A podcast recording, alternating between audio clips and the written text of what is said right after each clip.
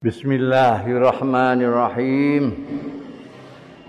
Qala al-muallif rahimahullah wa nafa'ana bihi wa bi ulumihi fid dharain amin.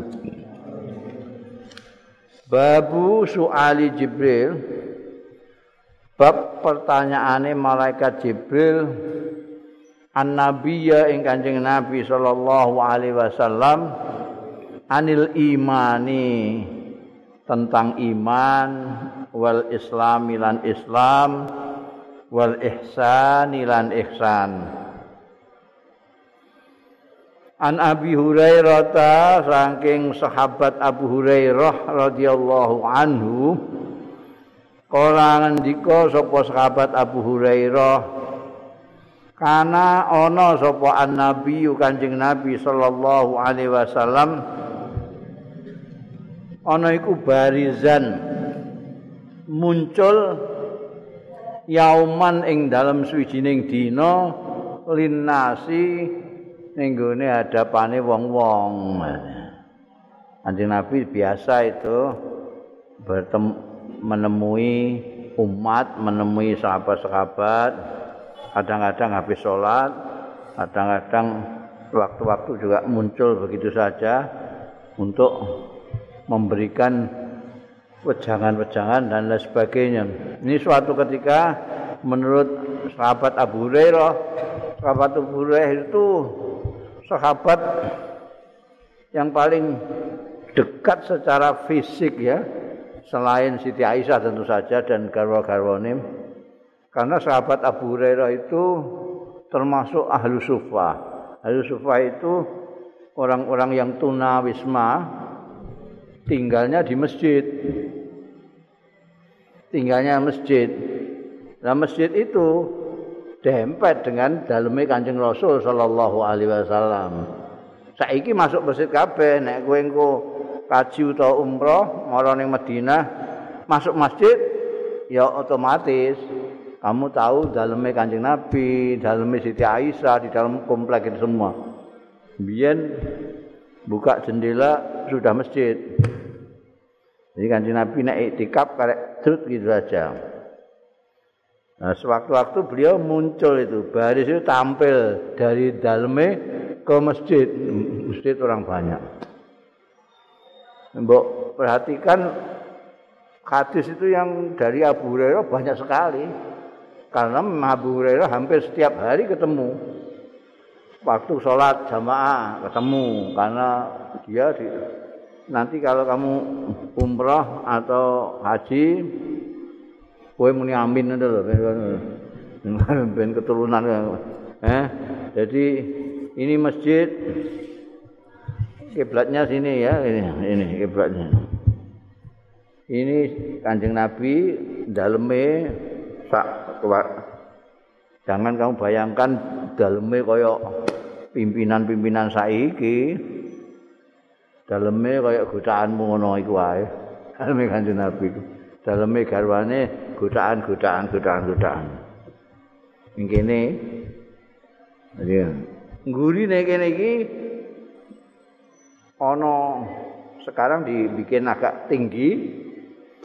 Itu untuk tanda bahwa itu dulu tempatnya ahlu sufah Abu Hurairah CS itu yang manggon masjid gak duwe rumah iki ning kono iku jadi tetap cedak banget bean daleme Kanjeng Nabi Muhammad sallallahu alaihi wasallam. Kene iki yang disebut raudhah. Ya. Raudhah iki digoyo-goyoan wong sembayang ngene kene. Antarane nggone Kanjeng Nabi karo mimbare Kanjeng Nabi. Suatu ketika barizan linnas.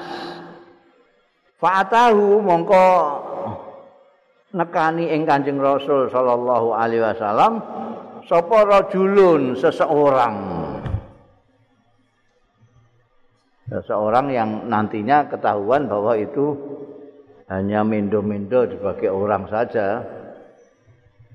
Eh delok judule wis Soal Jibril. Jadi ini malaikat Jibril mendo-mendo wong. Ceritane sahabat Abu Hurairah terus kedatangan seorang laki-laki. Faqala mongko matur ya rajul mal iman iku apa al imanu ta iman Kala dawuh sapa Kanjeng Nabi sallallahu alaihi wasallam Al imanu ta iman iku antuk minabillah. Pertama yen to mercayani sira billahi kelawan Gusti Allah. Wa malaikatihi lan malaikate Gusti Allah. Wa biliqaihi lan kelawan ketemu Allah. Sowan Allah wa birusulihi lan iman marang utusan-utusane Allah wa tu'minu bil ba'si lan mengimani sira percaya sira bil ba'si kelawan hari kebangkitan. Nah, dino kiamat engko semua yang ada di kuburan bangkit semua. Kala matur meneh sapa rajul mal islamun. Niku napa al islamu tawi islam?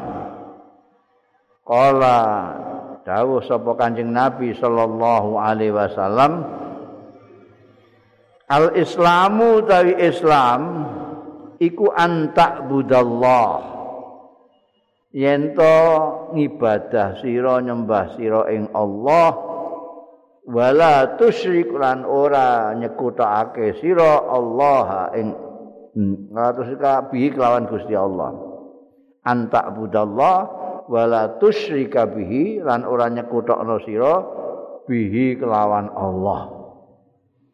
Wa tuqimas salat lan jenengno sira as-salata ing sembayang wa tuaddiya lan nekake sira az-zakata ing zakat al-mafrudata kang den fardhoake wa tasuma ramadhana lan poso sira Ramadan ing wulan Ramadan. Qala mal ihsan. Iku apa al ihsanu ta ihsan? Qala dawuh sapa Kanjeng Nabi sallallahu alaihi wasallam, anta abudallah yen to nyembah sira ing Gusti Allah kaannaka ngibadah sira ning Gusti Allah kaannaka kaya-kaya setune sira iku tarahu ningali sira ing Allah. Fa illam takun tarah mongko lamun ora ana sira ora ana iku tarahu ningali sira ing Allah fa innahu mongko yakinlah setune Allah iku yaraka mirsani sapa Allah ka ing sira. Kala matur meneh ya rajul mau mata saatu kapan utahe kapan as-saatu dina kiamat iku? Iku kapan as-saatu utahe dina kiamat Kala dawuh sapa Kanjeng Nabi sallallahu alaihi wasallam mal mas'ulu ora utahe wong sing ditakoni anha tentang saah. Iku bi alama kelawan luweh pirsa minasa ili tinimbangane sing takon. Jadi sama saja padha ora ngertine. Tapi wasa ukhbiruka an bakal ngabari sapa ingsun ngandani sapa ingsun ing sira an asratiha saking alamat-alamate saah. Alamat-alamate dina kiamat. Yaiku idza waladatil amatu rabbaha. Nalikane nglahirake apa al amatu budak wadon rabbaha ing bendarane amat. ana budak nglahirno bendara wa idza tatawala nan nalikane dhuwur-dhuwuran sapa ruatul ibilil buhmi? Buhmi kok gak buhmu ya? Buhmi eh, pangon pangon wong sing angon. Pangon pangon eh, pangon pangone unta. Al buhmi sing ya unta itu bahimah termasuk kewan-kewan sing tidak punya akal. Ru'atul ibil buhmi. Tatawala dhuwur-dhuwuran fil bunyani ing dalam bangunan. Jadi rahasiane saah dina kiamat iku termasuk fi khamsin ing dalam lima layak lamuhuna sing ora ngerti huna ing lima sapa illallah kejaba Gusti Allah. Sumatala mongko keri-keri maos sapa annabi Kanjeng Nabi sallallahu alaihi wasallam innallaha indahu ilmus saah. Setuhune Gusti Allah iku indahu. Ana ngasane Gusti Allah dhewe. Ilmu saati utawi pengetahuan tentang kiamat. Ning surat Luqman ayat 34 wis sumaat baro mongko kai-kai nundi mungkur sapa rajul sing tekan takon mau? Pakola mongko dawuh sapa Rasulullah sallallahu alaihi wasallam ruduh jake kon balik. Ruduh balikno sira ing rajul do balikno sira kabeh ing rajul kon balik. Durung kenalan kok terus cengkelak lunga. Ruduh Palam yaro ditiliki palam yaro mongko ora ngerti ora pirsa ya wong-wong nas iki ya rujuke sahabat-sahabat saean ing apa-apa. Fisiknya ndak kelihatan labete ya enggak kelihatan. Lam yaro saean apa-apa itu ndak kelihatan sama sekali. Pakola mongko dawuh sapa Kanjeng Rasul sallallahu alaihi wasallam hadza Jibril utawi iki mau ngono ya Jibril iku. Jaa panen sengaja rawuh Jibril yu'allimun nas mulang ya Jibril ing wong-wong dinahum ing agamane wong-wong kuwi. Kala Abu Abdillah ngendika sapa Abu Abdillah? Ja'ala ndasekake malaikat Jibril to kanjeng Nabi zalika ing mengkono-mengkono mau pertanyaan-pertanyaan yang banyak tadi. Ulahu sekabehane zalik minal imani termasuk iman. Kowe uh, apa memperhatikan iki mirip karo hadis kae sing masyhur sing diriwayatake karo Amirul Mukminin Umar bin Khattab kan itu juga menceritakan ada orang yang put, rambutnya hitam, memplak, pakaiannya putih, memplak, sawan anjing Nabi, terus menyandarkan kedua lututnya di lututnya kanjeng Nabi itu loh. Itu ya hampir mirip. Itu sahabat Umar bin Khattab ini sahabat Abu Hurairah. Redaksi ini dan isinya barang ya kacek sidik itu aja. Jadi ketika kanjeng Nabi tampil di muka publik di hadapan sahabat-sahabat muncul seseorang tanya macam-macam. Pertama tanya tentang iman. Iman itu apa? Dijawab kanjeng Nabi iman itu ya percaya kepada Gusti Allah. Bahwa semua ini yang menciptakan Allah bahwa tiada Tuhan kecuali Allah Allah itu yang kita sandari segala sesuatu yang kita sembah sendiri. Tidak ada sesembahan selain Allah. Percaya kedua percaya kepada malaikat malaikatnya Allah. Dan kita harus percaya bahwa kita nanti akan ketemu kalau Gusti Allah taala. Bisa memandang Gusti Allah taala. Ya percaya dengan adanya utusan-utusannya Allah mulai Nabi Adam yang terakhir adalah Nabi Muhammad sallallahu alaihi wasallam. Mempercayai utusan-utusan Gusti Allah.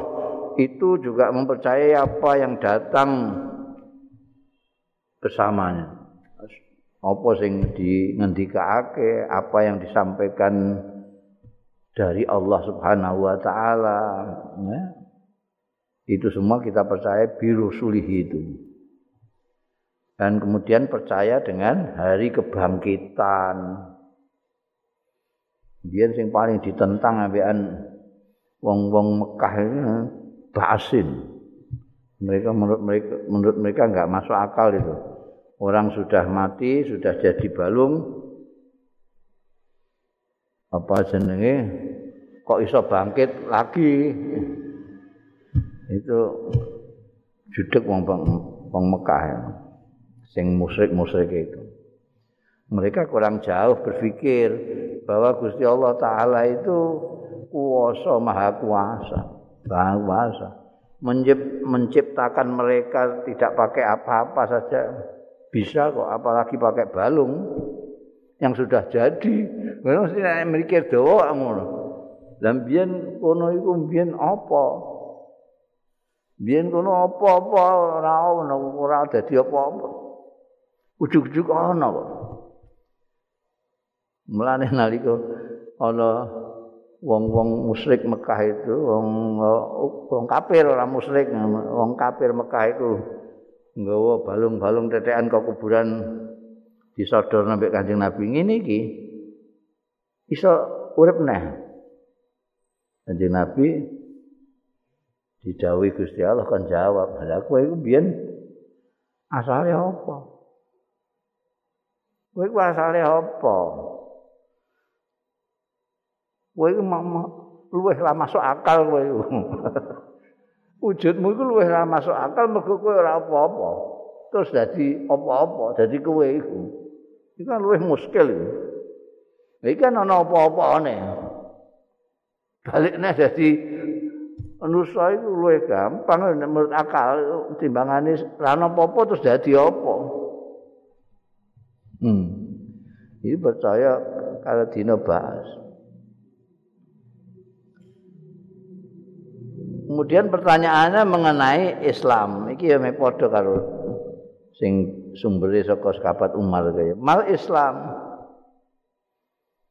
Islam itu antak budallah nek ning gone elingku nek ning gone hadis Sayyidina Umar iku sing jawabane Kanjeng Nabi antak budallah ka annaka tara. Ya. Iku ihsan. Iya ning kene ya padha. Nah saiki mal islam. Islam iku antak budallah wala tusyrika bihi. Ora nyekutokno.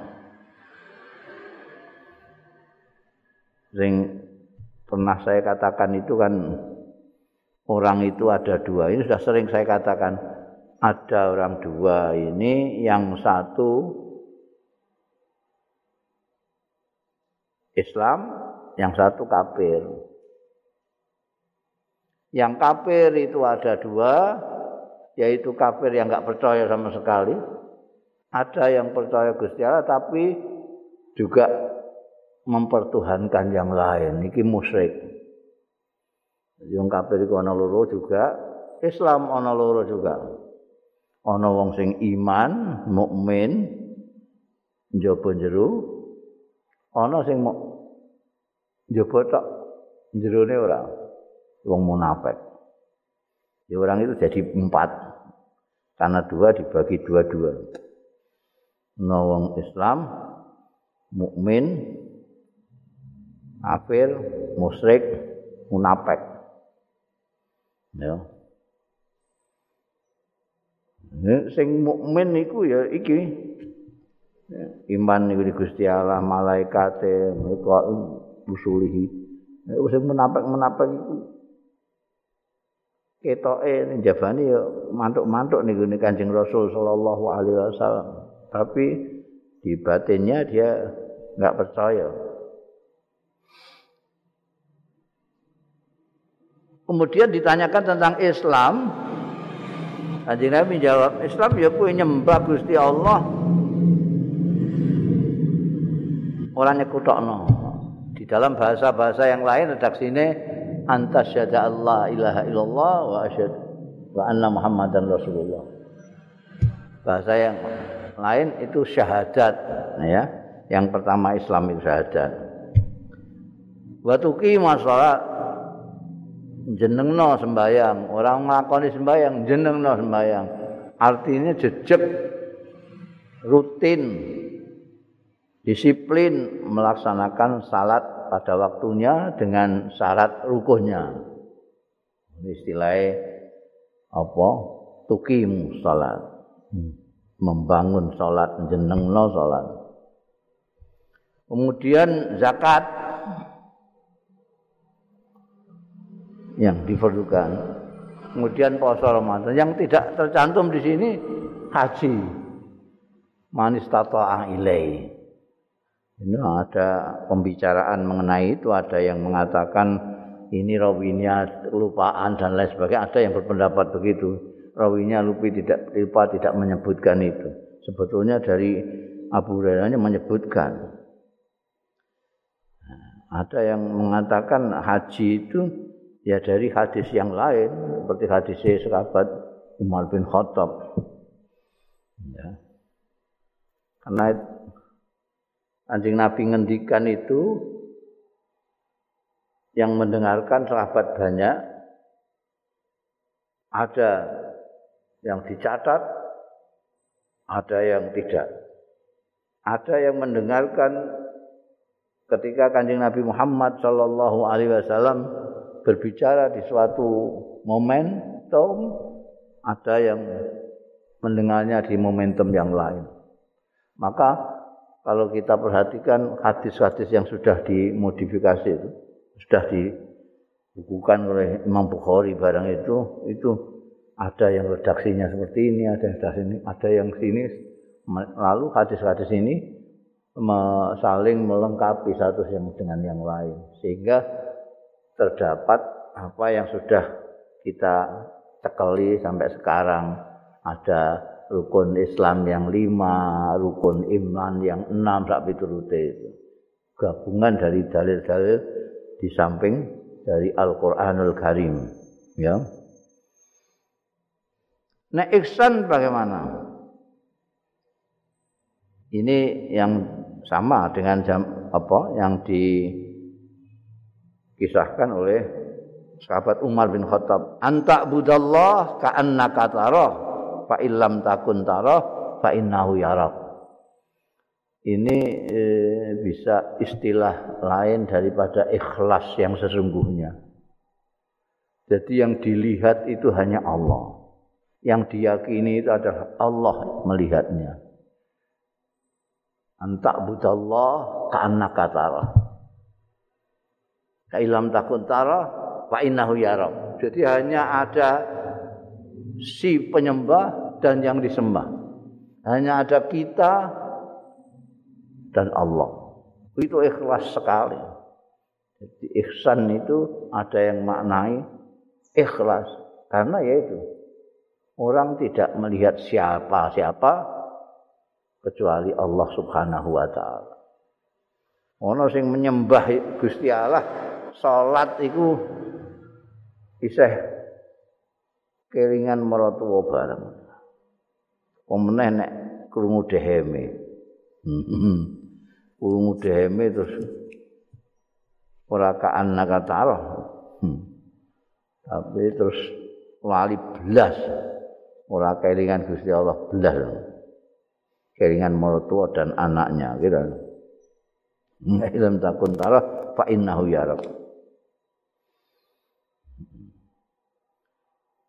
Anak istilah ihsan itu sendiri penggunaannya macam-macam.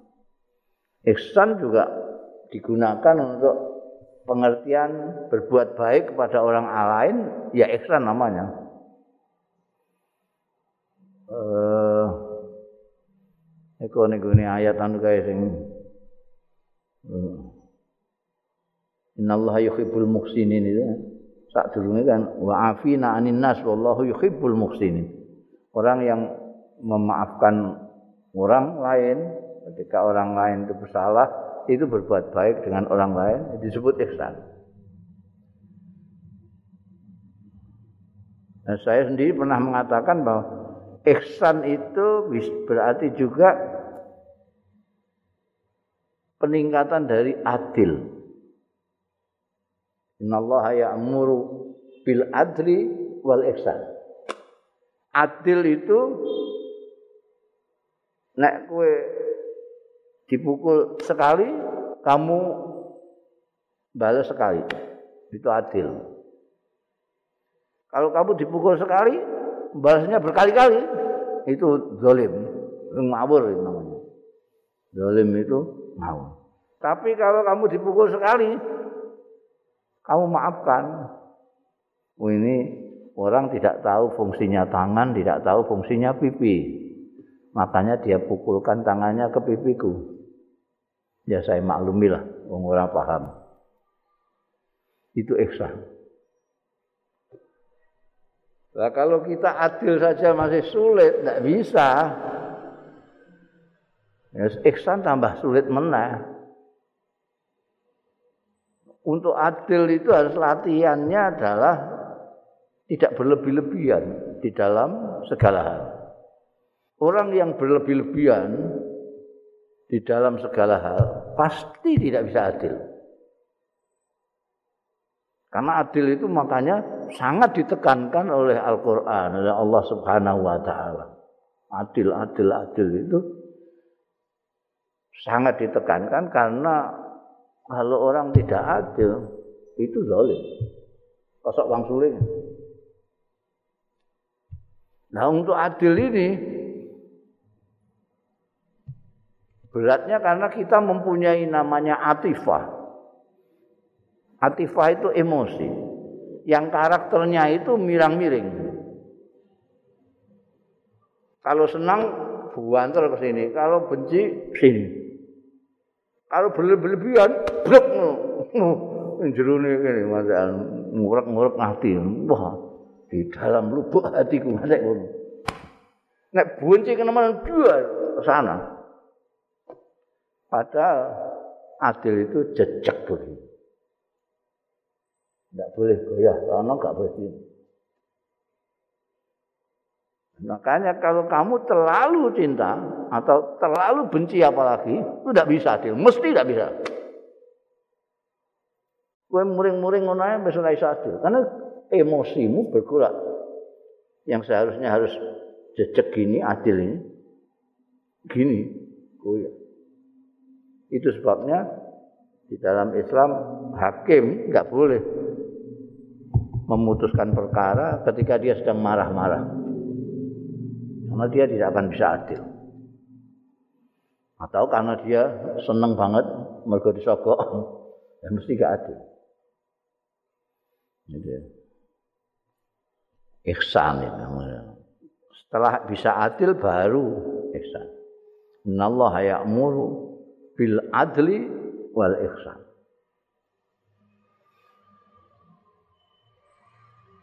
Wong kamu membalas satu, dibalas satu aja gak bisa. Minimal kamu dibalasnya agak dua tiga kali. Apalagi memaafkan.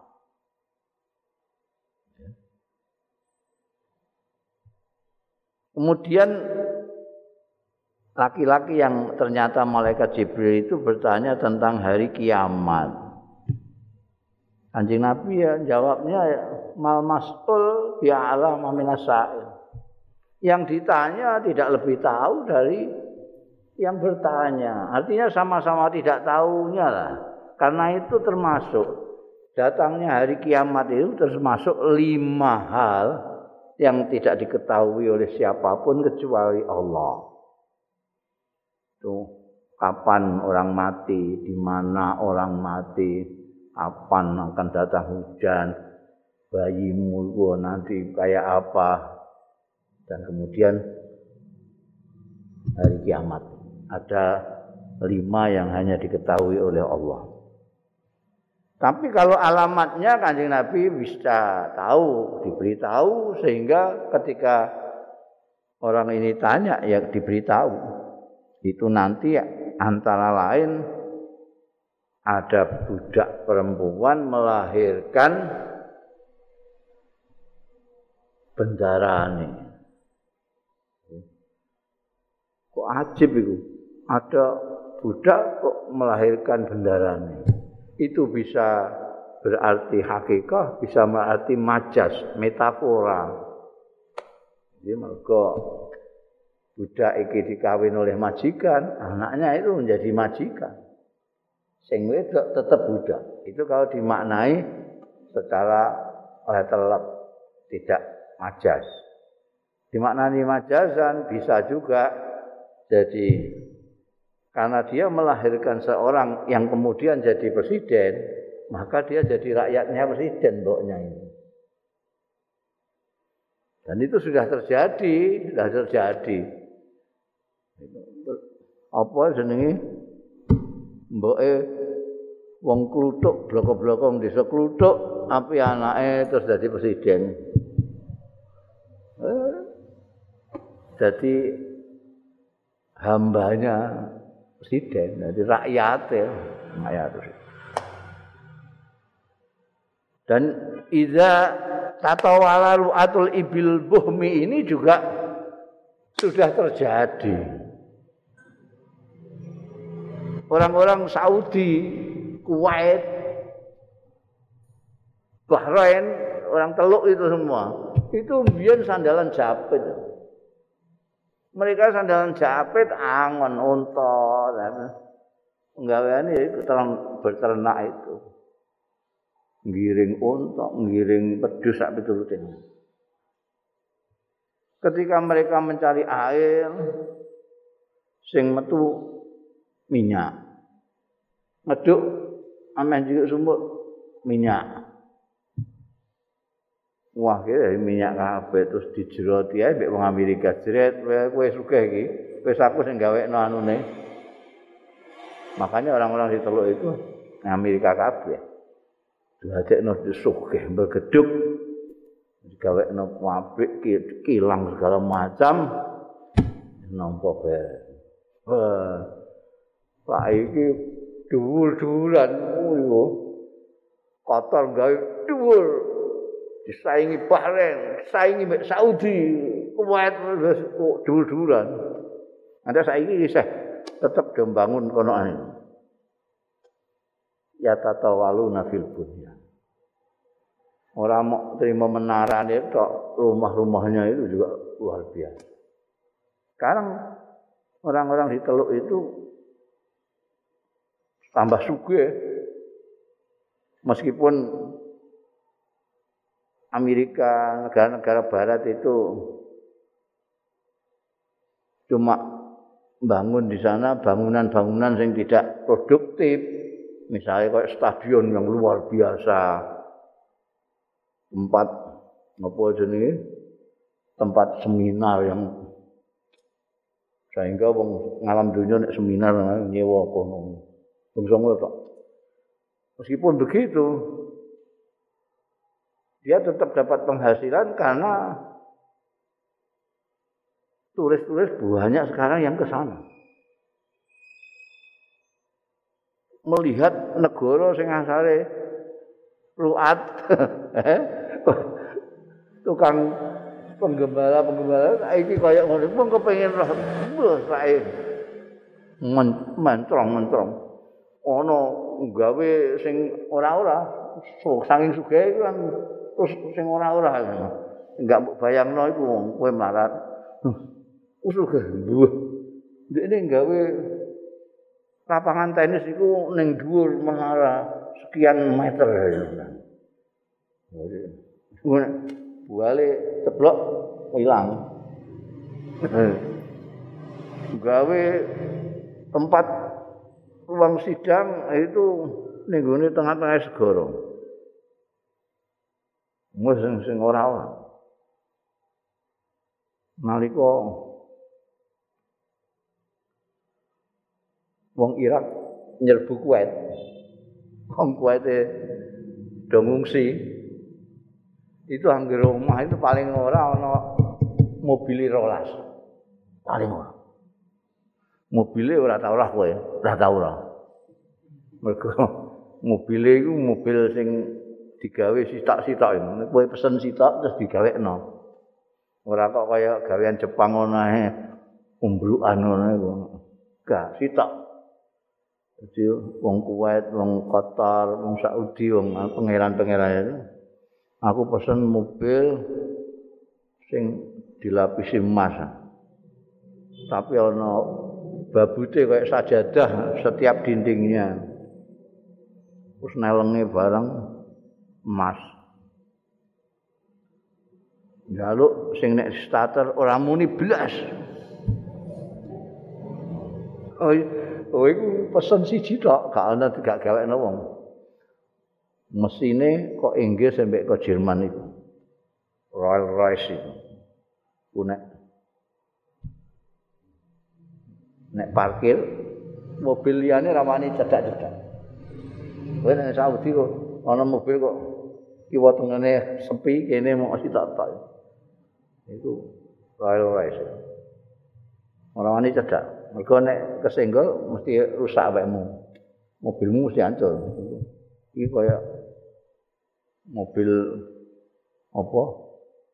Panser baja ngono. Iku ditemukan 12. Hmm. Yang kene biyen zaman Pak Harto dilarang, mobil itu dilarang. Ana sing duwe ning kene sitok ya ning jero rumah. Gak ditokno mergo dilarang. Nggo sawang-sawangan. Ru'atul ibil album. Jadi iso mbok lacak ndak terlalu lama mbok lacak. Orang-orang sih teluk itu. Biyen kaya apa, saiki kaya. Berarti ini sudah dekat kiamat. Cuma dekatnya itu berapa tahun itu Allah alam. Tapi sudah dekat alamat-alamatnya wis ketok kabeh. Nek pase ya pase sing ngerti sapa? Innallaha indahu ilmu sam. Gusti Allah tok.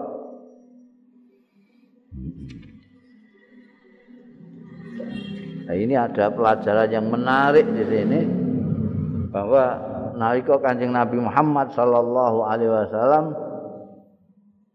ditanya mengenai sa'ah mata sa'ah Kanjeng Nabi itu tidak sok tahu. Padahal nabi memimpin besar di hadapan orang banyak. Ditanya kok bilang tidak tahu? Nah ya tidak tahu sama dengan kamu saiki saiki takok mbek ustaz lho eh di muka umum. Asal. Enggak kau sing muni. Tidak tahu saya. Kau kau mesti ngerti kabeh. Mbok takoki soal apa ya soal mulai soal pawon nganti soal politik mesti iso jawab. Jajal ora percaya. Kowe takoki ustaz sing buka ustaz-ustaz sing buka tanya jawab yo. Takok ya mesti iso jawab. Ya senajan bulet-bulet gak masalah. yang penting aja ngantek muni ora iso. Padahal ajarannya kasih Nabi itu gak iso ya muni gak iso, gak ngerti ya gak ngerti.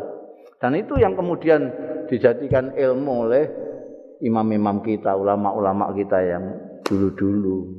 Misalnya, Dawa Imam Ahmad bin Hambal, La adri minal ilmi. Jangan dikira tidak tahu itu bukan ilmu.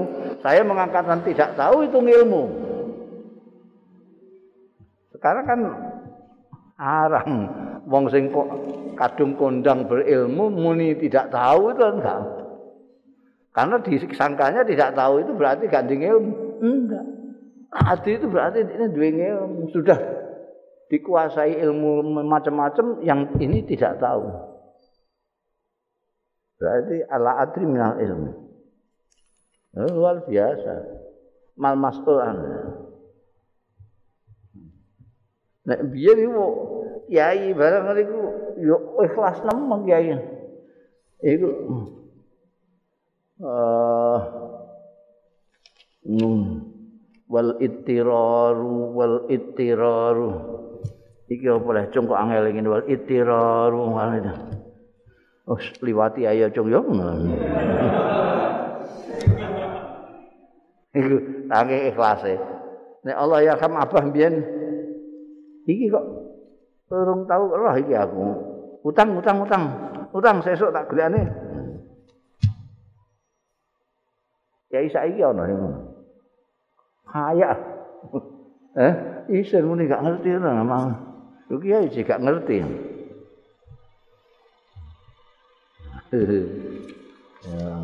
ya, zamane wis beda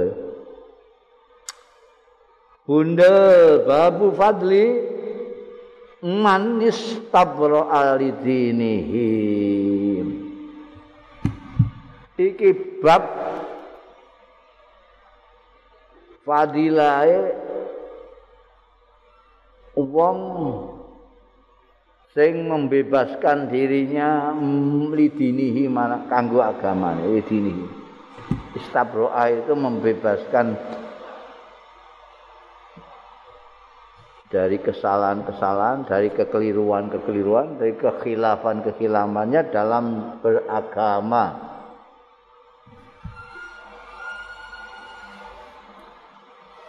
An Amirin qala sami'tu Mireng sapa ingsun An Nu'man bin Bashirin saking An Nu'man bin Bashir. Sakabat eh Imam Bukhari mireng saka Amir Amir dari An Nu'man Qala sami'tu An Nu'man bin Bashir. Iki sing sahabi iku An-Nu'man bin Bashir radhiyallahu anhu. Yaqulu ngendika ya An-Nu'man bin Bashir, sami tu mireng sapa ingsun Rasulullah ing Kanjeng Rasul sallallahu alaihi wasallam tak pireng yaqulu ingkang dawuh ya Kanjeng Rasul sallallahu alaihi wasallam. Dawuh piye? Al halalu bayyinun wal haramu bayyinun.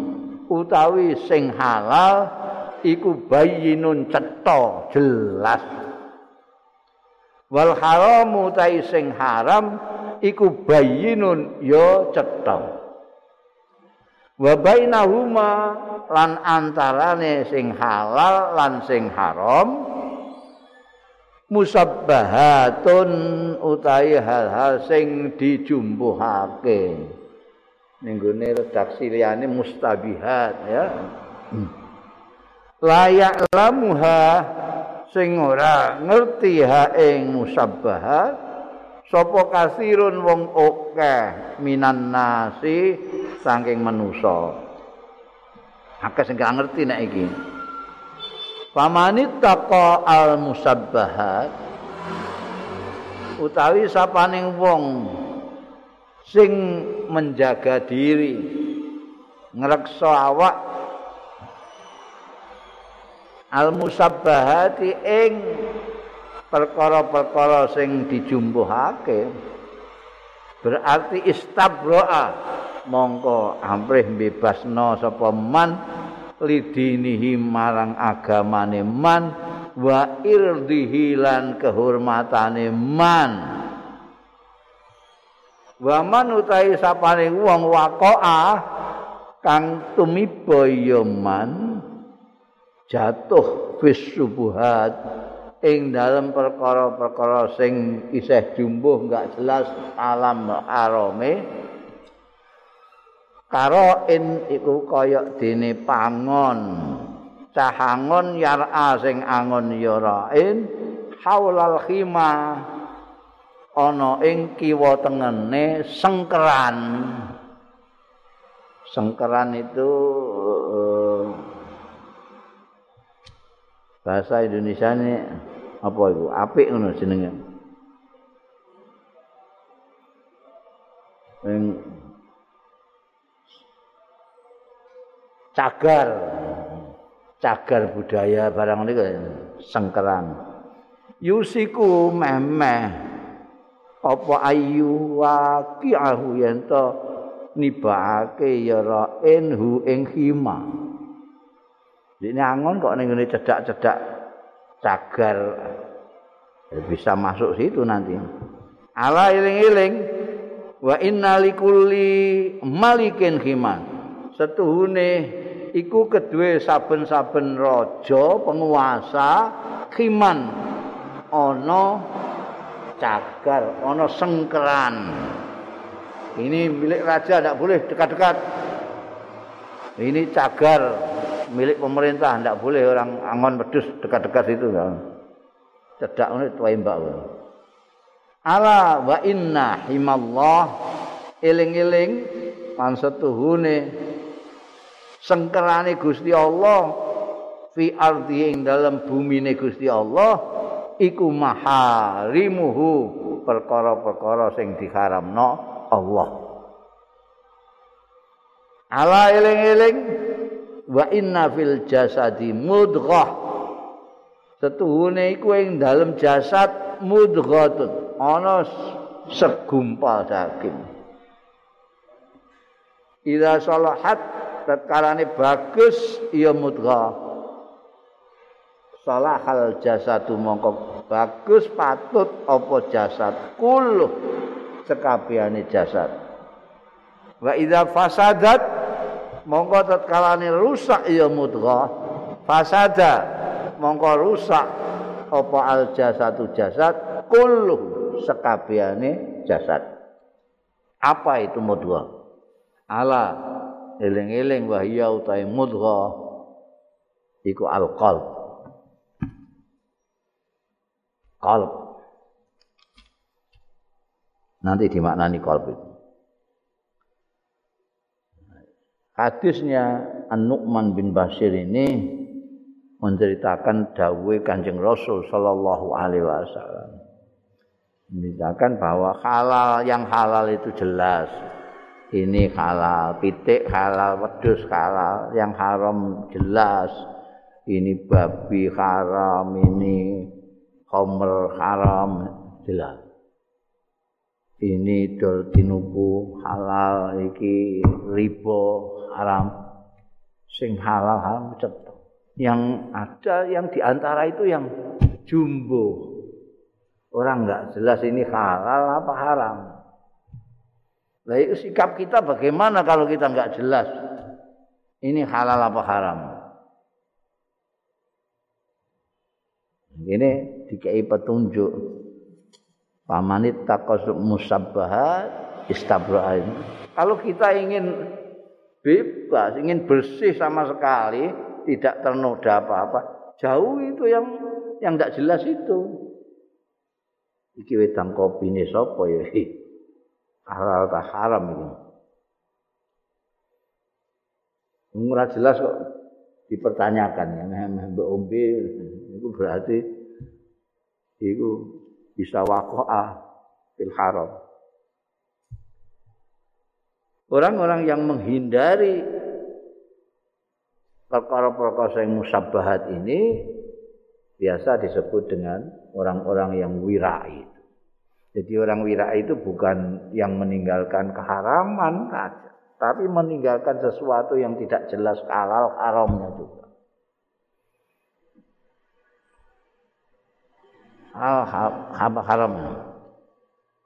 Kue disalami templek, kalau pejabat itu eh, kira-kira halal apa haram, rasa bingung. Ndelok ndek niki tukang narik pajak. Iki aja-aja mesti angger nariki wong. Angger ngono lah. Kowe bingung. Piye iki ampani pokok. Nek kowe kamu ingin ingin apa namanya? Ingin yakin bebas hormatanmu apa agamamu ya sudah tinggalkan terus. Nek kowe kepengin isih nyerempet-nyerempet nah ya. silakan itu. Nek kowe kepengin bersih betul, stabroa lidinika wa ildika tinggalkan itu. Karena kamu ragu-ragu.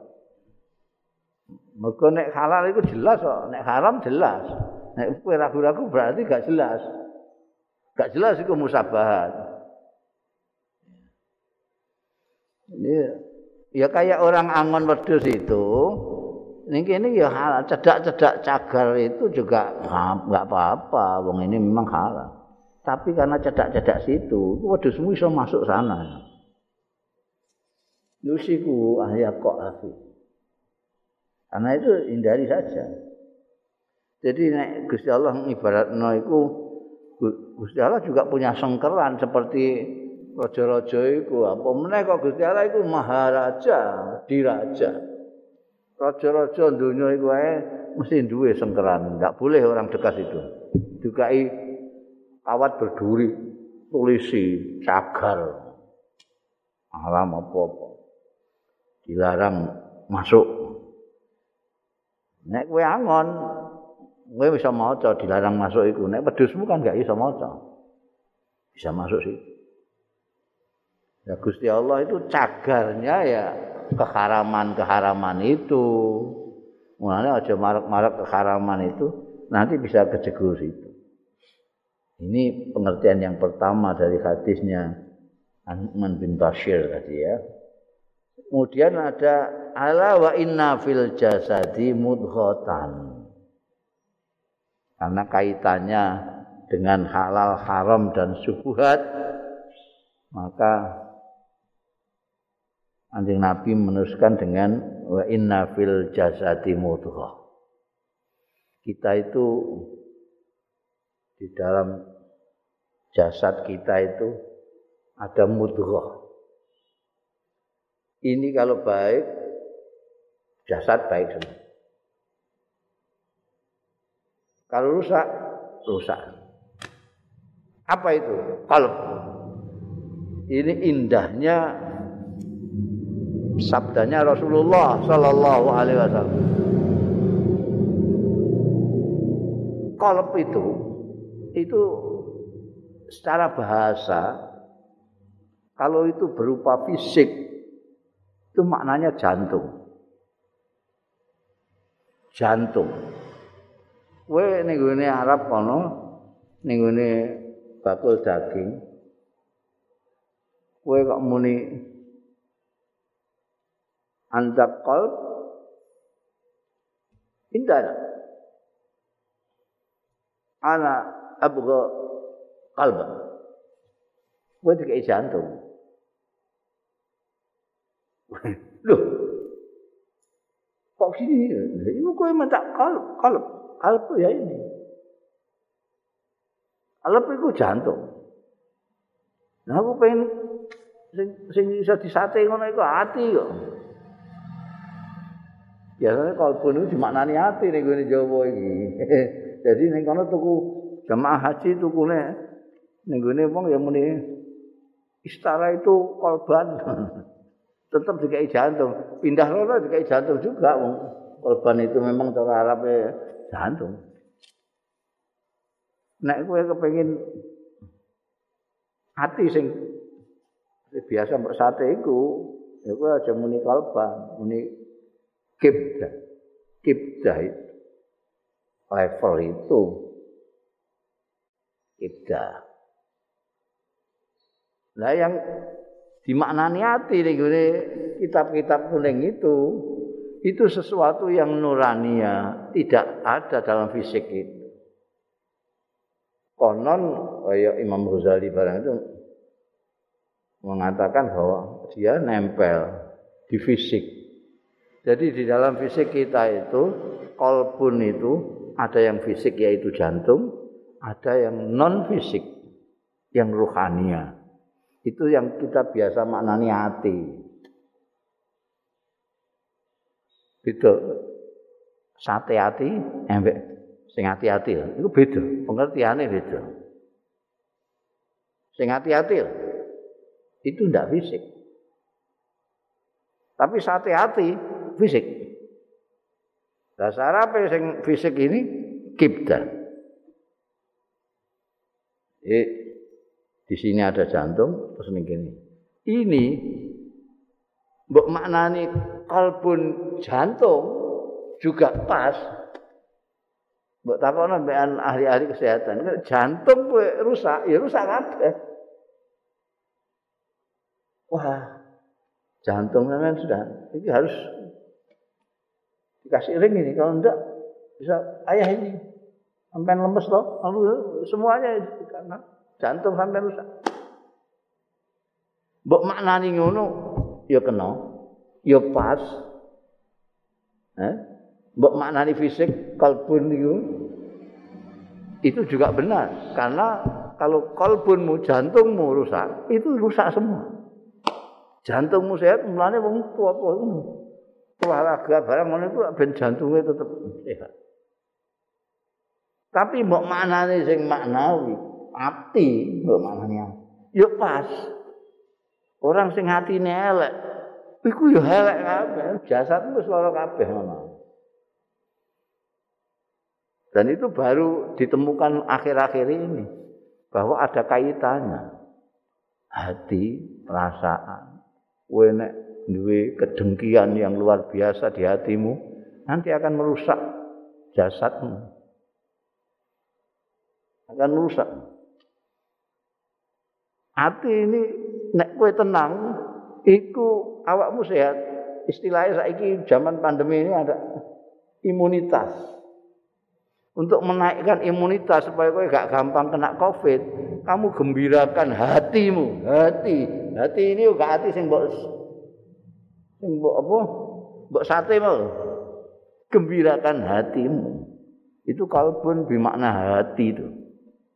Hati yang tidak fisik gembirakan hatimu kan hatimu gembira itu imunitasmu naik covid nggak gampang nyerang kamu. Tapi kalau kamu di sini ini hatimu itu penuh kedengkian, kebencian, oh itu awas ya, itu sangat merosotkan imunitas ya. Gampang terkena. Ya. Jadi itu kok iso kena kabeh. Inna fil jasati mudghah tembungnya mudghah fisik. Tembungnya mudghah. Idza saluha saluhal jasadu kullu wa in fasadat fasadal jasadu kullu. Nek ndelok mudghah iki ya kalbun sing sing fisik. Tapi ternyata yang tidak fisik pun yang dimaknai hati itu pun itu juga mempengaruhi jasad. Fasad dan wasalahan. Oh, itu istimewane dawuh Kanjeng Rasul sallallahu alaihi wasallam. Babun ad-dinu an-nasihah wallahu a'lam.